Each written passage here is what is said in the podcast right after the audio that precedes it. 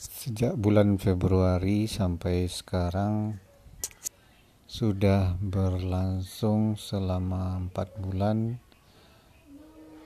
dunia dikuasai oleh yang namanya virus corona.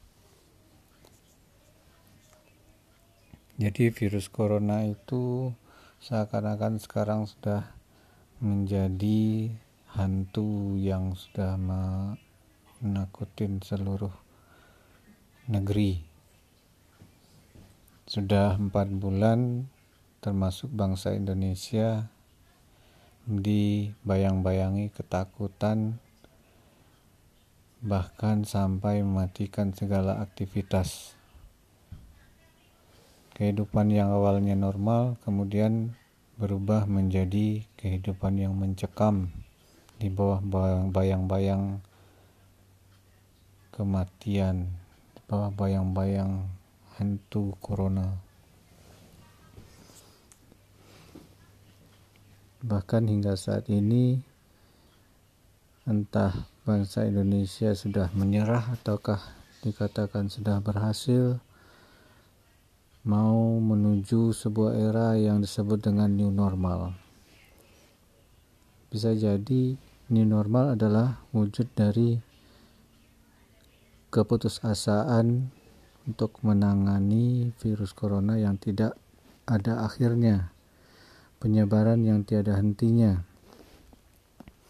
dan bisa jadi juga merupakan satu solusi di mana memang kita tidak perlu menghindari, kita tidak perlu takut, cukup kita mengawasi jangan sampai virus corona itu menggagalkan perkehidupan kita. Kembali lagi, apakah bangsa Indonesia itu sudah putus asa untuk menangani virus corona?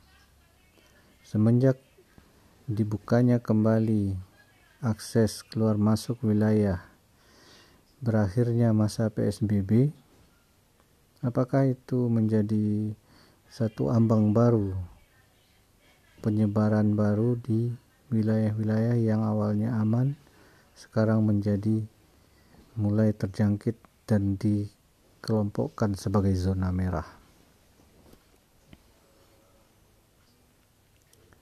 Terbukti saat ini di Indonesia sendiri sudah mencapai angka 50 ribu lebih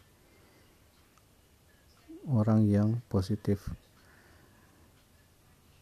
Dan percepatan lajunya angka COVID-19 di Indonesia saat ini semenjak 15 hari terakhir setiap hari minimal ada seribu kenaikan angka.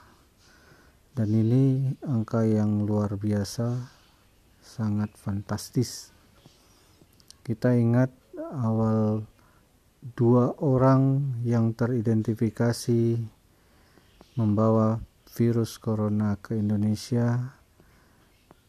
Dua orang itu menjadi momok yang menakutkan untuk seluruh bangsa Indonesia. Kewaspadaan tingkat tinggi diterapkan untuk mengantisipasi supaya tidak tertular dari orang-orang yang membawa atau karir. Namun kenyataannya kewaspadaan tingkat tinggi pada saat angka baru sampai 40 orang itu kewaspadaan tingkat tinggi sudah disiagakan di seluruh negeri di tanah air. Namun kita lihat sekarang di angka 50 ribu saja orang-orang sudah mulai abai. Orang-orang sudah mulai tidak waspada. Bahkan pasar sudah mulai ramai. Mall sudah mulai dibuka. Kemudian di jalanan sering kita lihat orang yang berjalan tanpa menggunakan penutup atau masker kewaspadaan untuk mawas diri dari mencuci tangan, menjaga kebersihan pun sudah mulai menurun. Dan ini sangat mengkhawatirkan. Apakah akan terjadi ledakan baru setelah ini? Dan barangkali ya bisa saja ini adalah sebuah awal dari ledakan itu. Luar biasa saat ini orang-orang sudah mulai eh, merasa jenuh menghadapi dan mengantisipasi.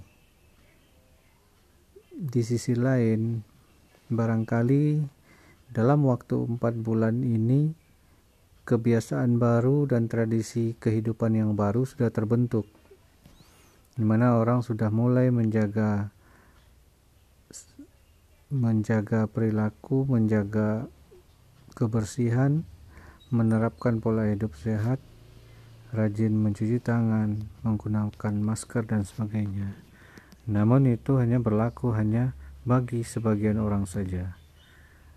Nah, yang berpotensi untuk menjadi karir baru di dalam penyebaran virus corona adalah orang-orang yang dalam empat bulan ini tidak memiliki pengaruh terhadapnya. Orang yang dalam empat bulan ini dilatih untuk menjaga pola hidup, pola keseharian, menjaga kebersihan. Latihan ini, latihan selama empat bulan tidak berhasil, sehingga dia kembali kepada kehidupan pola kehidupan yang lama, yang santai, cuek, dan seolah-olah tidak terjadi apa-apa. Maka perlu digarisbawahi bahwa menuju era new normal bukan berarti menuju ke pola kehidupan sebelumnya dalam keadaan normal. Tetapi new normal artinya adalah menuju kehidupan baru dengan gaya hidup baru, gaya hidup yang lebih sehat, gaya hidup yang lebih aman.